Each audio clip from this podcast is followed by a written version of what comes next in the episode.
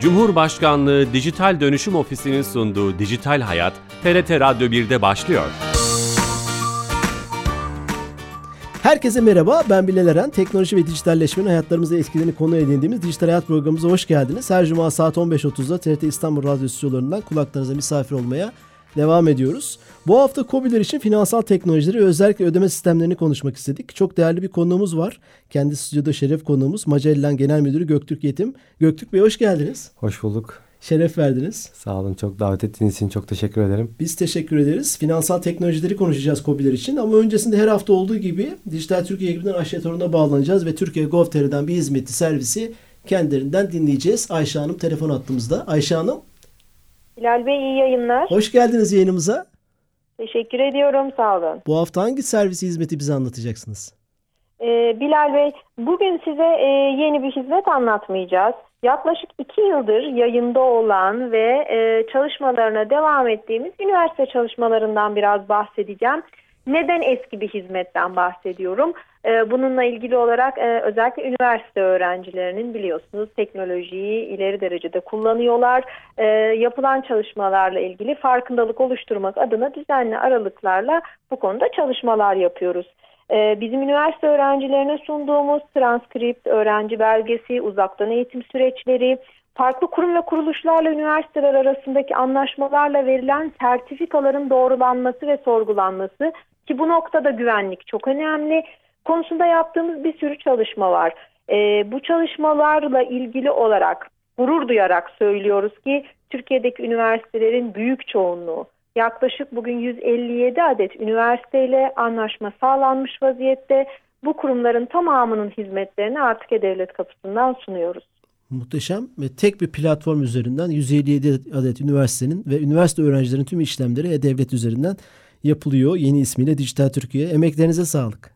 Teşekkür ediyoruz. Sağ olun. İyi yayınlar. Çok teşekkür ederiz. Dijital Türkiye ekibinden Ayşe Torun'dan bir hizmeti servisi dinlemiş olduk. Yeni katılan dinleyicilerimiz vardır. Magellan Genel Müdürü Göktürk Yetim Bey ile beraberiz. COBİ'ler için finansal teknolojileri konuşacağız. Şöyle bir giriş yapalım mı? Türkiye'nin herhalde ticaret hayatının %80'inden fazlası küçük orta boylu işletmeler ve onların işte ihtiyaçları e, vesaire.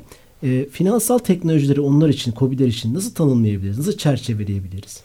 Aslında finansal teknolojiler bir COBİ'nin hayatında aslında iki anlam ifade ediyor. Bir tanesi COBİ'nin kendi ihtiyaçlarını yönetmesi için gerektiği finansal teknolojiler, işte mikro krediler, e, çeşitli işte e-ticarette satmak için kullandığı postlar, sanal postlar gibi kendisi için kullanılan e, finansal teknolojiler var. Bir yere de aslında COBİ'de harcama yapan kişinin, şahsın kendisinin kullandığı ve COBİ'nin parayı tahsil ettiği finansal teknolojiler var. O yüzden aslında finansal teknoloji işletmeler için ikiye ayrılıyor. Ama genel gündeme bakıldığında aslında işletmenin kendisi için kullandığı finansal teknoloji çözümlerinden daha çok aslında işletmenin işletmede kullanıcısının kullandığı finansal teknoloji ürünleri daha çok günümüze geliyor. Hı hı. Biliyorsunuz hani eskiden işletmeler sadece nakit ve kredi kartıyla ödeme alıyordu. Hatta kredi kartını bile çok sonradan almaya başladılar. Ve bu kredi kartı sahipleri veya e, özellikle kredi kartı kullanan insanlar 18 yaş üstü bankacılık kullanıcılarıdır. Çünkü mevzuat gereği insanlar 18 yaş üstüne çıktığında aslında bir bankacılık e, hizmeti alabiliyorlardı. Fakat teknolojinin gelişmesiyle beraber işte PSC'ler ortaya çıktı ve işte e-para şirketleri dediğimiz şirketler geldi. Çünkü dijital dünyada oyun sektörleri işte film sektörü çok fazla gelişti ve bunlar için devletin çıkardığı bir mevzuat gereğince artık 18 yaş altı kişilerde internetten oyun alabilmesi, işte çeşitli e, para ödeme yöntemlerini kullanabilmesi için işte 2000-2500 TL bandında geçmeyecek aslında no name e, bankacılık altyapısı, IBAN işte hmm. veya işte kredi kartı gibi şeyler edindi. Bundan sonra artık işletmeler için de aslında 18 yaş altının kullanacağı da finansal teknoloji çözümler artmaya başladı. Daha sonrasında işletmeler e, kendi kullanıcılarının işte özellikle 18 yaş altının kullandığı deneyimlerden sonra artık ödeme de e, bir finansal teknoloji çözümden çıkıp artık böyle keşbekler falan devreye geldi. Bazılarında kobiler keşbek vermeye başladı. Ne demek keşbek? Keşbek aslında kişinin o ödeme yöntemini kullanabilmesi için aslında biraz yaptığı bir sadakat programı diyelim. Yani eskiden e, kullanıcılar indirim yapardı. Yani kobiler kullanıcıda indirim yapardı. Ama indirimi tutar bazlı yapmaya başladığında aslında finansal teknolojinin gelişimiyle beraber işletmeler aslında işte benim ödeme yöntemimi kullanırsan e, ben sana işte geri bir para iadesi yapıyorum ya da geri bir puan veriyorum gibi Hı. aslında finansal enstrümanlar üzerinden sadakat uygulamaya başladılar. Şu an birçok finansal teknoloji ürünü aslında özellikle para yakarak kullanıcıların nakit ve kredi kartını tercih etmeyip işte kendi ödeme yöntemlerini tercih etmesi konusunda aslında e, sadakat programları uygulamaya başladı. Şu anki trendde de artık yani eskiden bankalar bir parayı topluyordu. Daha sonra işte e-para şirketleri geldi. Onlar bir kasa olmaya başladı. Artık her bir işletme bir fintech'e dönmeye başladı ve hepsi kendi bir mikro bankacılık gibi birer böyle bir finansal enstrüman aracına dönmeye başladı. Hani bunu e, özellikle kafe restoran sektörünü görüyoruz. İşte, e, firmalar böyle kendi cüzdanlarını oluşturuyorlar. İşte artık nakitli ödeme benim cüzdanını öde işte sana işte işte 10 tane kahve içtiğinde bir kahve edeyim gibi ama benim ödeme yöntemimle ödersin gibi yöntemler çıkmaya başladı. O yüzden aslında şu an KOBİ'ler birer fintech KOBİ işletmesine dönmeye başladılar. Ve finansal teknolojilerde aslında KOBİ'ler için en önemli envanterlerden bir tanesi oldu. Yani kısacası KOBİ'ler için şu an finansal enstrümanlar çok büyük önem arz eden aslında ürünlerini almasından ürünlerini satmasına kadarki süreçte eşlik eden kullanıcısından kendisine kadar e, bir serüven oluşturan aslında bir araç olmaya başladı. Birçok aşamada aslında bu finansal teknolojilerle ilgili çözümler var anladığım kadarıyla. Aynen. Ama e, genel olarak hep vurgu yaptığınız şey ödeme sistemleri. İşte evet. e, sanal post, dijital cüzdan, belki QR kod ödeme evet. gibi gibi bunları e, e, nasıl faydalanabilir e, top atmış olduk aslında konu başlığı olarak. Aynen. Bir kobi küçük orta boy bir işletme evet. bunlardan nasıl faydalanır? Hani benim bir kobim var. Ben bir ödeme sistemi, bir bankaya evet. muhtaç olmadan belki tırnak içinde Hı-hı. bir ödeme sistemi kurabilir miyim? Aslında şöyle pandemi öncesi ya da birkaç sene öncesinden bahsedeyim. E, eskiden işletmeler postlara işte kredi kartı bankamatik almak için kullanıyordu. Fakat sanal postlar çıktı. Eğer bir kobi işte internetten bir şey satmak istediğinde işte bir bankaya başvurup diyordu ki ben artık fiziki posta değil işte sanal posta alabiliyorum internet ödememi. Aslında kobiler böyle finansal teknolojilerle çalışmaya başladılar. Ve bu online açılmış olan kobiler çok fazla finansal enstrümanla e, kullanmaya başladı. Mesela şöyle diyelim bir operatör var operatör faturaya yansıt diye bir seçenek koydu. Eskiden kredi kartıyla ödeme yaparken kullanıcılar artık telefon faturasına yansıtarak artık ödeme yapabiliyor oldu. Yani bir kobi kendi sattığı bir malı artık kredi kartıyla değil de telefonunu yansıtarak aslında ödeme imkanı sunmaya başladı. Fakat bunlar genelde böyle online'a açılan işletmeler için aslında geçerliydi. Fakat son iki yılda işletmeler online'a açılmadan da mobile dönmeye başladılar. Yani bir internetten bir e, ürün satmadan da kendi işletmesinde işte sattığı bir döner olur, ne bileyim ya verdiği bir tatlı olur veya içecek olur. İçeceği sipariş ederken işte kendi cüzdanlarını çıkararak cüzdanlarına da yükleme bakiye yüklemesi yaparken kendi sanal postlarını arkaya kullandırarak aslında kullanıcısına bir sanal post artık fiziki post yerine bir sanal posttan yükleme yaptırıp aslında o cüzdan üzerinden ödeme almaya başladılar. Tam bunu konuşalım mı? Bir kobiyim ben. Evet. E, bunu nasıl başaracağım hiç kullanmayanlar için? Şöyle e, sektörde birçok çözüm var. Bu çözümler aslında işletmeleri biraz fintech işletmesine dönüştürüyor. Yani bu çözümlere erişerek yani bunlar genelde alternatif ödeme yöntemleri diye geçiyor sektör. İşte nakit ve kartın dışındaki her yöntem aslında aslında alternatif ödeme yöntemine geçiyor. Hani bu çözümler bu çözümler araştırarak aslında edinebilir. Yani aslında KOBİ'nin şuna bakması gerekiyor. Şu anki kullandığı enstrümanlar e, iki tane işte nakit ve kredi kartı. Mesela finansal teknoloji çözümlerken ön ödemeli kullanıcısından ön ödeme alma şansı sunan çözümler var. Yani şöyle bir örnek gösterebilirim. Ben birçok yerde örneklendiriyorum. Mesela bir su firması düşünün e, su firması ne yapıyor? Ayda bir kullanıcısı bir damacana su satıyor. Bir su firmasına baktığımızda aslında su firması şunu yapıyor. Diyor ki ben benim maliyetim su diyor bedava ama e, etikettim işte damacanam, tıpası falan hepsi diyor dolar endeksli ve şey diyor. Ben diyor senede bir kere zam yapıyorum. Ve bunun üzerine kar koyarak aslında ürünü satıyorum diyor. İşte alıyorum 10 liraysa bir e, damacana 2 lirası sene başına kar alıyor. Enflasyon arttığında mesela 1 liraya kadar karı düşebiliyor. Hı hı. Ama şu an mesela firmalar diyor ki sen diyor kullanıcım bana 12 aylık suyun parasını peşin ver. Ben ham maddemi alayım. İşte kendimi garantileyeyim. Ve daha sonra aradaki enflasyon farkını sana hediye olarak verebilirim diyor. Ve Kobi aslında bu tarz bir çözümle kendi kullanıcısının sadakatine bırakarak nakit ve kartın dışında kendi ön ödemeli yöntemiyle aslında hizmet verebiliyor. Bu nasıl kuracak bu söylediğiniz sistemi? İşte, e, Mesela sizin böyle bir çözümünüz mü var? Ya var. Biz birçok alanda faaliyet göstermekteyiz ama ödeme alanında da faaliyet gösteren aslında bir ürünümüz var. Burada biz işletmelerin kendi cüzdanlarını oluşturması için bir altyapı sağlıyoruz. Bu altyapıyla beraber işletme kendi sanal bağlayarak ve kendi işletmesini bir fintech işletmesine dönüştürüyor. İşte son kullanıcısı da geliyor. işte orada ön ödeme yapıyor. E, ve işte ne bileyim 100 lira yüklediğinde işletme diyor ki ben diyor sana 25 lira sadakat için puan veririm diyor. Yani nakit ve kredi kartı dışında ödeme yapması ve o, o sağladığı ön ödemenin finansal ve e, avantajıyla beraber kullanıcısına hediye vermesi falan bir altyapı sağlıyoruz. Tabii bunlarla da e, bir banka değil. var mı arada? Şimdi e, genelde ödeme anında bankacılık altyapısı kullanılır. Herkesin bildiği birkaç tane marka var bankacılık altyapısı. Ve bunlar işte siz kullanıcı kredi kartı ödeme yaptın o altyapıdan çekilir ve şey yapılır. Fakat e, Sanapos'un gibi teknolojinin gelmesiyle beraber aslında işletmeler ödeme anında bankacılık altyapısı kullanılmadan da ödeme alabiliyorlar. Çünkü Sanapos'a para önceden tahsil ediliyor. Bir bakiye de duruyor. Siz harcama anında sadece veri tabanından e, sayı düşürüyorsunuz aslında. Daha sonra fiş basıyorsun. Bu sayede bankacılık altyapısı kullanılmadan da ödeme alma imkanı sağlıyor. Hı hı. Veya işte ne bileyim nakit e, cüzdana nakit para yükletiyorsunuz.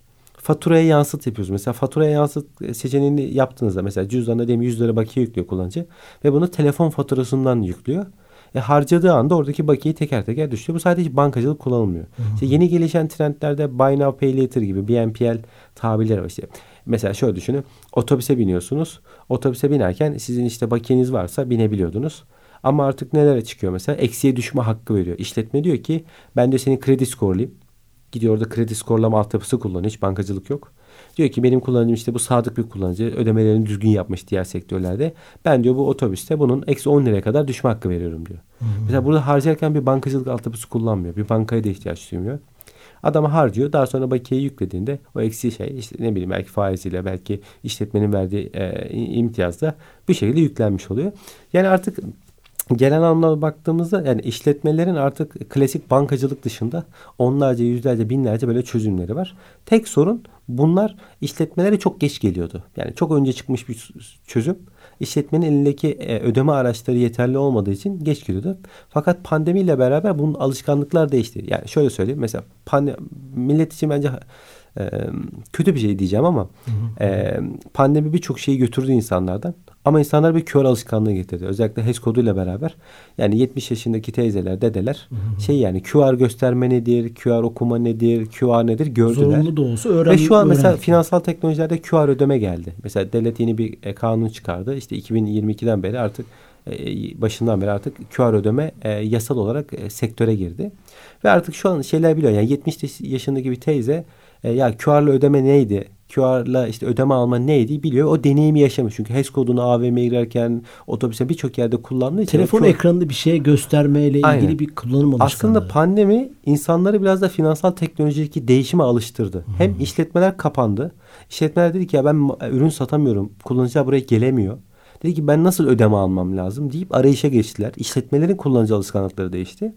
Hem de kullanıcılar bu tarz işte HES kodu gibi şeylerden veya finansal teknoloji çözümlerinden e, görerek ya ben böyle ödemeliyim. Bu şekilde ödesem benim için daha karlı deyip aslında kendi ödeme alışkanlıklarını değiştirdi. Hmm. Hani bu sayede COBİ'ler ellerine artık bankacılığın verdiği fina, klasik finansal araçlardan çok daha fazla araç geçirerek kendi işletme bir fintech işletmesine dönüştürdü. Aslında bundan sonraki yakın gelecekte birçok işletmeyi banka gibi birer finansal teknoloji işletmesi olarak görebileceksiniz. Müthiş. yani COBİ'ler için hacimsel olarak COBİ'lerin cirosu düşük ama hacmi yani potansiyel ve adetleri çok fazla olduğu için şey yani çıkıyor. Türkiye'de artık böyle binlerce milyonlarca şey gelecek hayatımıza. Bankacıklar gelecek ve bu bankalar bildiğiniz banka gibi işte kullanıcısına sadakat yapacak, ön ödemeli kart verecek, işte eksiye düşme hakkı verecek. Aslında birer banka gibi aslında faaliyet gösteriyor olacak. Yani yakın gelecekte her bir işletme fintech işletmesi olarak görebileceğiz diye düşünüyorum. Bu dijital cüzdan çok güzel bir konu. Şöyle düşünebiliriz o zaman. Fiziki kart yerine sanal bir kart gibi evet, düşünebiliriz aynen. cüzdanımızı. Sanal ön ödemeli kart. Akıllı telefonumuzda bir uygulama aynen. olacak. Mahalledeki lokantanın evet. işte, işte ne bileyim marketin aynen. herhangi bir e, kurumun cüzdanı olacak aynen. ve o cüzdan hiçbir bankaya ihtiyaç duymadan aynen. ödeme sistemi olacak. Aslında faydaları ve yeteneklerini de anlatmış oldunuz. Ve çok önemli bir şey. Gelecekte sadece ödeme sistemleri değil, ticaret, finansman, bağlılık ve sadakat sistemleri gibi birçok şeyi belki bir Bir uygulama evet. içinde yapma imkanı Aynen. Ya bunlar aslında süper app deniyor. Yani e, işletmeler için süper app'ler var. Yani işletme Nedir as- süper app? Yani süper. Şimdi şöyle eskiden bir uygulama bir işlev veriyordu. Mesela sadakat uygulaması vardı. Sadakat için genelde kullanılıyordu. Fakat insanlar şey yaptı. Puan işte, kazanıyorsunuz yani puan. Artık yani kullanıcılar dijitalleşmeyle beraber mesela telefondan onlarca uygulama indirmek istemedi. Ve e, çünkü telefon mahrem. İşte notification almayayım, ne bileyim her yere kayıt yapmayayım, yer kaplamasın gibi gibi şeyler olmaya başladı. Bunu bu bununla beraber işletmeler şey yapmaya başladı. Yani birçok fonksiyonu olan uygulama yapayım. Bir uygulamaya adamın her derdini çözeyim dedi. İşte ödemesini de çözeyim, sadakatini de çözeyim, gift kartını da çözeyim, CRM'ini de çözeyim gibi gibi. Aslında böyle tek bir, bir yazılım çok... üzerinden bütün çözümleri Aynen. verebileyim. Aynen. Yani şu an işletmeler bir tane uygulamayla kendi işte kullanıcısının sipariş geçmesinden siparişin ödemesinin alınmasından, teslimatına, siparişin başkasına hediye edilmesine kadar her türlü süreci yönetecek süper app'lere kavuştu. Yani şu an belki e, Türkiye'de insanlar süper app kavramına da alışmadı ama yakın gelecekte insanların hepsi böyle süper app'leri kullanarak aslında hayatlarını idame ediyor olacaklar. Yurt dışında çok örneği var. Mesela Çin'de e, birçok süper app var. şu karmaşaya ulaşmaz mı? Belki provokatif bir soru olacağım. Market için, benzin istasyonu için, sokağımızdaki bakkal için hepsi süper app yaparsa telefonumuza Aynen. her bir işletme için. Evet, çok güzel bir yer. Aslında bizim de e, çok değindiğimiz bir alan yani e, kendi şirketimizde değineceğim. Şimdi eskiden şey vardı. Ben sana şunu diyeyim. Eskiden herkes e-ticaret sitesi yapıyordu. A firması, evet, B firması evet. e-ticaret sitesi yapıyordu. Sonra bir baktınız e, pazar yerleri çıktı. Pazar yani. yani e-ticaretlerin pazar yeri çıktı. İnsanlar dedik yani önemli olan yapmak değil İnsanlar senin sitene girmiyor, kredi kartı bilgilerine girmiyor. Çünkü sen yeterli derecede güvenlik altyapısı sağlayamıyorsun. Herkes adres giriyor, adresi çaldırıyorsun. işte açık veriye dönüşüyor falan. Onlarca şey şey olmaya başladı. Ve insanlar daha sonra dediler ki ben her şeyi bir yerde bulayım. Her şeyi bir kere gireyim, bir kere de halledeyim dediler. Böyle marketplace'ler çıktı. Doğru. Şu an dünyada hatta bizim de yaptığımız şekilde dünyada şu an finansal teknolojilerin marketplace'lerini konuşuyor. Fintech'ler ne zaman marketplace'e dönecek diyor. Hmm. Ve şu an finansal teknoloji marketplace'e dönenler aslında sektörde çok fazla avantaja gelecek. Yani süper app'lerin marketplace app olacak aslında. Finansal teknoloji tarafında. Doğru mu anlıyorum? Bir tane ödeme uygulaması olacak. Aynen. Örneğin ona basacağız. Mahallemizdeki bakkal, A market, benzin Aynen. istasyonu, restoran hepsinin orada Aynen. kodlarını mı göreceğiz, isimlerini mi göreceğiz? Aslında şöyle mesela hani e, Play Store, Apple Store var ya. Evet, aslında bir, evet. ne yapıyor? Tek başına hiçbir işe yaramıyor. Sadece senin kredi kartı bilgini tutuyor, ID'ni tutuyor. Ne yapıyorsunuz? İçerisinde bir bankacı, onlarca, yüzlerce, binlerce bankacılık uygulaması var. Siz giriyorsunuz, istediğinizi indiriyorsunuz ve kullanıyorsunuz. Aslında işlevsiz gibi görünen bir şey arka tarafta her şeyi yönetiyor. Şimdi fintechler için de aslında bu tarz storelar olacak. Aslında tüm finansal teknoloji çözümlerini bir store'da toplayıp aslında kullanıcı bir kere store'u indirecek uygulamayı. E daha sonra bir kere kayıt olacak. Daha sonra hangi fin, e, işletmenin hangi finansal teknoloji ürününü kullanmak istiyorsa tek tek de oluşturup orada ödemesini yapacak. Sadakatini kazanacak gibi şey yapacak. Şu yani, an var mı dünyada veya ülkemizde bir örneği? Ya şöyle tabii biraz kendimiz gibi bir şey olmuş oldu da biraz da bu biz bunu erken görenlerdeniz. Hani e, biz alternatif ödeme e, kavramında alternatif süper app diye bir ürün yaptık sektörde. Biz aslında ilk defa hani dünyada çok mal yok. E, fintechlerin marketplace'ini oluşturduk. Az önce bahsettiğim store gibi. Hani bu sadece bizimle kısıtlı kalmayacak. Çünkü e, trend buraya gidiyor. Yani asıl nasıl e-ticarette trend buraya gidip bu trendi ilk yakalayan özellikle Türkler unicorn daha sonra dekakorn olduysa finansal teknolojilerde Türkiye çok önde. Hani kendimiz kendimiz için demiyorum. Ee, ülkemiz bu konuda iyi olduğu için bizim gibi ülkelerden özellikle bizden bu tarz öncüler çıkıyor. Yani biz de aslında kendi alanımızda kendi sektörümüzde bir öncü olmak için böyle bir şey giriş yaptık. Hani bu hayatımızda birçok farklı örnekle gele, gelecekte geliyor olacak. Ama e, işte e-ticarette olduğu gibi biz bu konularda önde giden ülkelerdeniz.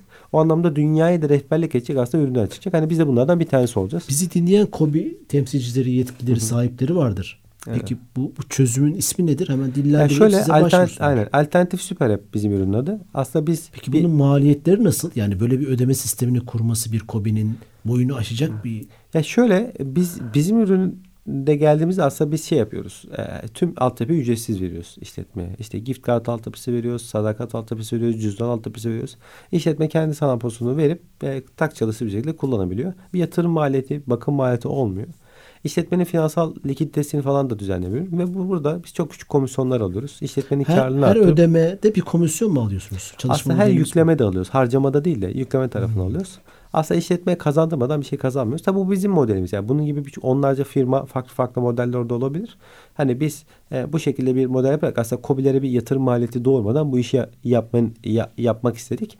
Bir de şey var yani sektörde eskiden e-ticaret siteleri şeyi gördüler. Yani Eskiden e-ticaret sitesi yaptım. Bitti zannediyorlar. İşte mallarımı koydum oraya. Millet alacak ama insana girmiyordu. Yani güvenmediği siteye girmiyor. Kart bilgisini vermiyor. Kart bilgisini çaldırmaktan korkuyor. Adresini vermiyor. Adresi çaldırmaktan korkuyor. O yüzden bu tarz böyle marketplace'ler çok önemli yer elde edecek. Yani, o yüzden biz de işletmelere şey diyoruz. Yani seni kendin de geliştirebilirsin bu ürünü. Kendin geliştirdiğini Play Store, Apple Store'a da koyabilirsin. Ama bunu indirtemeyeceksin kullanıcına. Kimse bulamaz ki onu. İşte indirtmenin maliyeti bu, maliyetleri belli yani. Bir kullanıcı için bir reklam verdiğinizde maliyet belli. Tabii. Bir de indirdiğinizi içeride tutundurmak lazım. İçeride tutundurmanın maliyetleri farklı. Biz diyor sen indirme maliyetiyle uğraşma. İçeride tutundurma maliyetiyle uğraşma. Geliştirme maliyetiyle uğraşma. Ben Güvenliği sana, var, desteği hiçbir var. Hiçbir Ben şey sana var. ertesi gün tak çalıştır, altyapı vereyim. Kendi cüzdanın olsun, kendi sadakatin olsun. Her şeyi kendin yap ama sen bu dertlerle hiç uğraşma. Çünkü COBİ'nin IT'ye yatacak yatırım şey de yok. Yani çok büyük firmalar, teknolojik olgunluğu çok yüksek olan firmalar bu işi yapıyor ama maalesef COBİ'lerin yani öyle bir e, fokusları olmadığı çok için. Çok da normal yani aslında. Çok normal, doğası gereği yani hmm. yapmıyorlar. Hani o yüzden biz de onlara işte hemen çalıştırabilecekleri hiçbir yatırım maliyeti olmayan, hiçbir indirtme, içeride tutma maliyeti olmayan bir ürün veriyoruz. Hani, Orada komisyon oranları nasıl? Mesela yani şöyle, bu Apple'da, Google'da, dünyada da çok hı. hani bu işte kartel olduğunuz diyorlar. Yüzde otuz, otuz beşleri. Türkiye'de o marketplace'ler dediniz pazar yerlerinin evet. komisyon oranları çok eleştiriliyor. Ee, bizim yani şöyle bizim modelimiz farklı. Biz yüzde bir ile yüzde beş arasında maksimum komisyon alıyoruz. Hayatımız boyunca yüzde beşi geçmeyeceğiz bir zaman. ee, ya şimdi insan bu Play Store, Apple Store olmak ayrı bir olay. İşte bir e-ticaret firması olmak ayrı bir olay. Biz store kavramıyla yol alan yani bir, bir modelde ilerliyoruz. Daha çok sürümden, hmm. standart altyapıdan, standart deneyimden yapıyoruz. Hani o yüzden biz e, bizim kendi bakış açımızda biz insanların e, bize verdiği parada gözünün kalmamasını istiyoruz. O yüzden ufak ufak bu işi e, ufak bütçelerle yaptırması sağlıyoruz. Diğer türlü hani e, şey olduğunda e, işi gerçekten ticari açıdan baktığınızda firmalar yani büyük firmalar çok para kazanıyor. Onu sponsor da Kobiler çok tabii, zorlanıyorlar. Tabii, o yüzden onlardan çok yüksek komisyonlar almak açıkçası Kobi için e, yani gelecekte seni te, ilk fırsatta terk etmesi için bir neden oluyor bu. Biz o modelde ilerlemek için yani yüzde bir ile yüzde beş arasında geçmeyeceğiz diyoruz. Biz zaten ciro arttırıcı, karlılık arttırıcı bir ürünüz. E zaten yatırım maliyeti gibi birçok bakım maliyeti, ne bileyim indirme tutum maliyeti gibi bir şey almadığımız için aslında Kobiler için mantıklı ve adil bir e, düzen olduğumuzu düşünüyoruz. Son iki dakikada e, süremizin de sonuna geldik. Bir korona günlerinde ödeme sistemleri ilgili bir program yapmıştık. Konuğumuz Çin'deki Ali Bey örneğini vermişti. Orada pazarda bile e, insanlar bir, bir kilo domates, yarım kilo portakal alırken bile ödeme sistemi telefonda gösteriyordu. Evet. Bu bu aslında süper app uygulaması Çin'deki örnek. aynen. Çin'deki Alipay, WeChat bunlar süper app. Ee, şöyle şimdi Çin'in mantığı çok farklı. Çin'de zaten nakit kullanılmıyor genel Nasıl olarak. bir müşteri ve kullanıcı deneyimi olmuş değil mi? Bütün milyarlarca insan. Çin abi para transferini takip edebilmek için nakiti neredeyse kaldırdı ülkeden. Bahşişi bile WeChat'ten veriyorsunuz. Takip etmek için. Kimin ne para harcadığı, nereye harcadığı, ne sıklıkla harcadığı her şeyi devlet politik olarak takip ediyorlar. E, Ama Bu insanlar da, olarak, da ona alışmış yani. Pazarda bile onu kullanacak. Evet, pazar kadar. onları yönlendirmiş. Yönlendirme ise alışkanlık olmuş. Hı. Ve şu an bu trend dünyada yayılıyor. Yani Çin'in çıkış nedeni biraz farklı ama insanlar kullanım kolaylığından dolayı artık tüm bu trendleri takip ediyorlar. Ee, o yüzden yani finansal teknoloji bu bundan sonraki 100 yılda belki e, ülkeler için, şirketler için, kullanıcılar için en önemli envanterlerden bir tanesi olacak. Evet. Aslında güzel toparladık. Ee, COBİ'ler için finansal teknoloji özellikle ödeme sistemlerini konuştuk. Biz dinleyen COBİ sahipleri de bundan istifade edeceklerdir. Magellan Genel Müdürü Göktürk Yetim Bey konuğumuzdu. Şeref verdiniz. Çok teşekkür ediyoruz. Sağ olun, biz teşekkür ederiz. Çok sağ olun. Harika oldu. Bu programımızın kaydını yarına itibaren YouTube ve podcast kanallarımızda bulabilirsiniz. Tekrar dinleme şansı elde edebilir. Haftaya yeni bir konu ve konukla beraber olacağız. İyi hafta sonları. Hoşçakalın.